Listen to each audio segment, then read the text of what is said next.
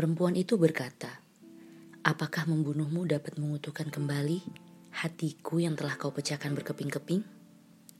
Bisa jadi. Tapi aku memilih tidak melakukannya. Karena jika aku melakukannya sama saja dengan mengatakan kamu masih penting bagi hidupku.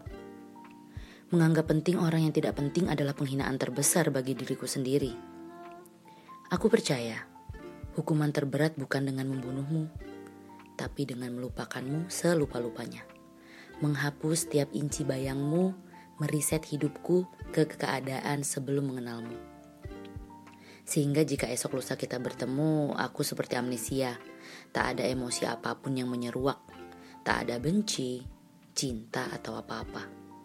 Hanya datar, kamu tak lebih dari sekedar orang biasa saja. Percayalah, cara balas dendam terbaik adalah menjadikanmu tak penting lagi dalam hidupku.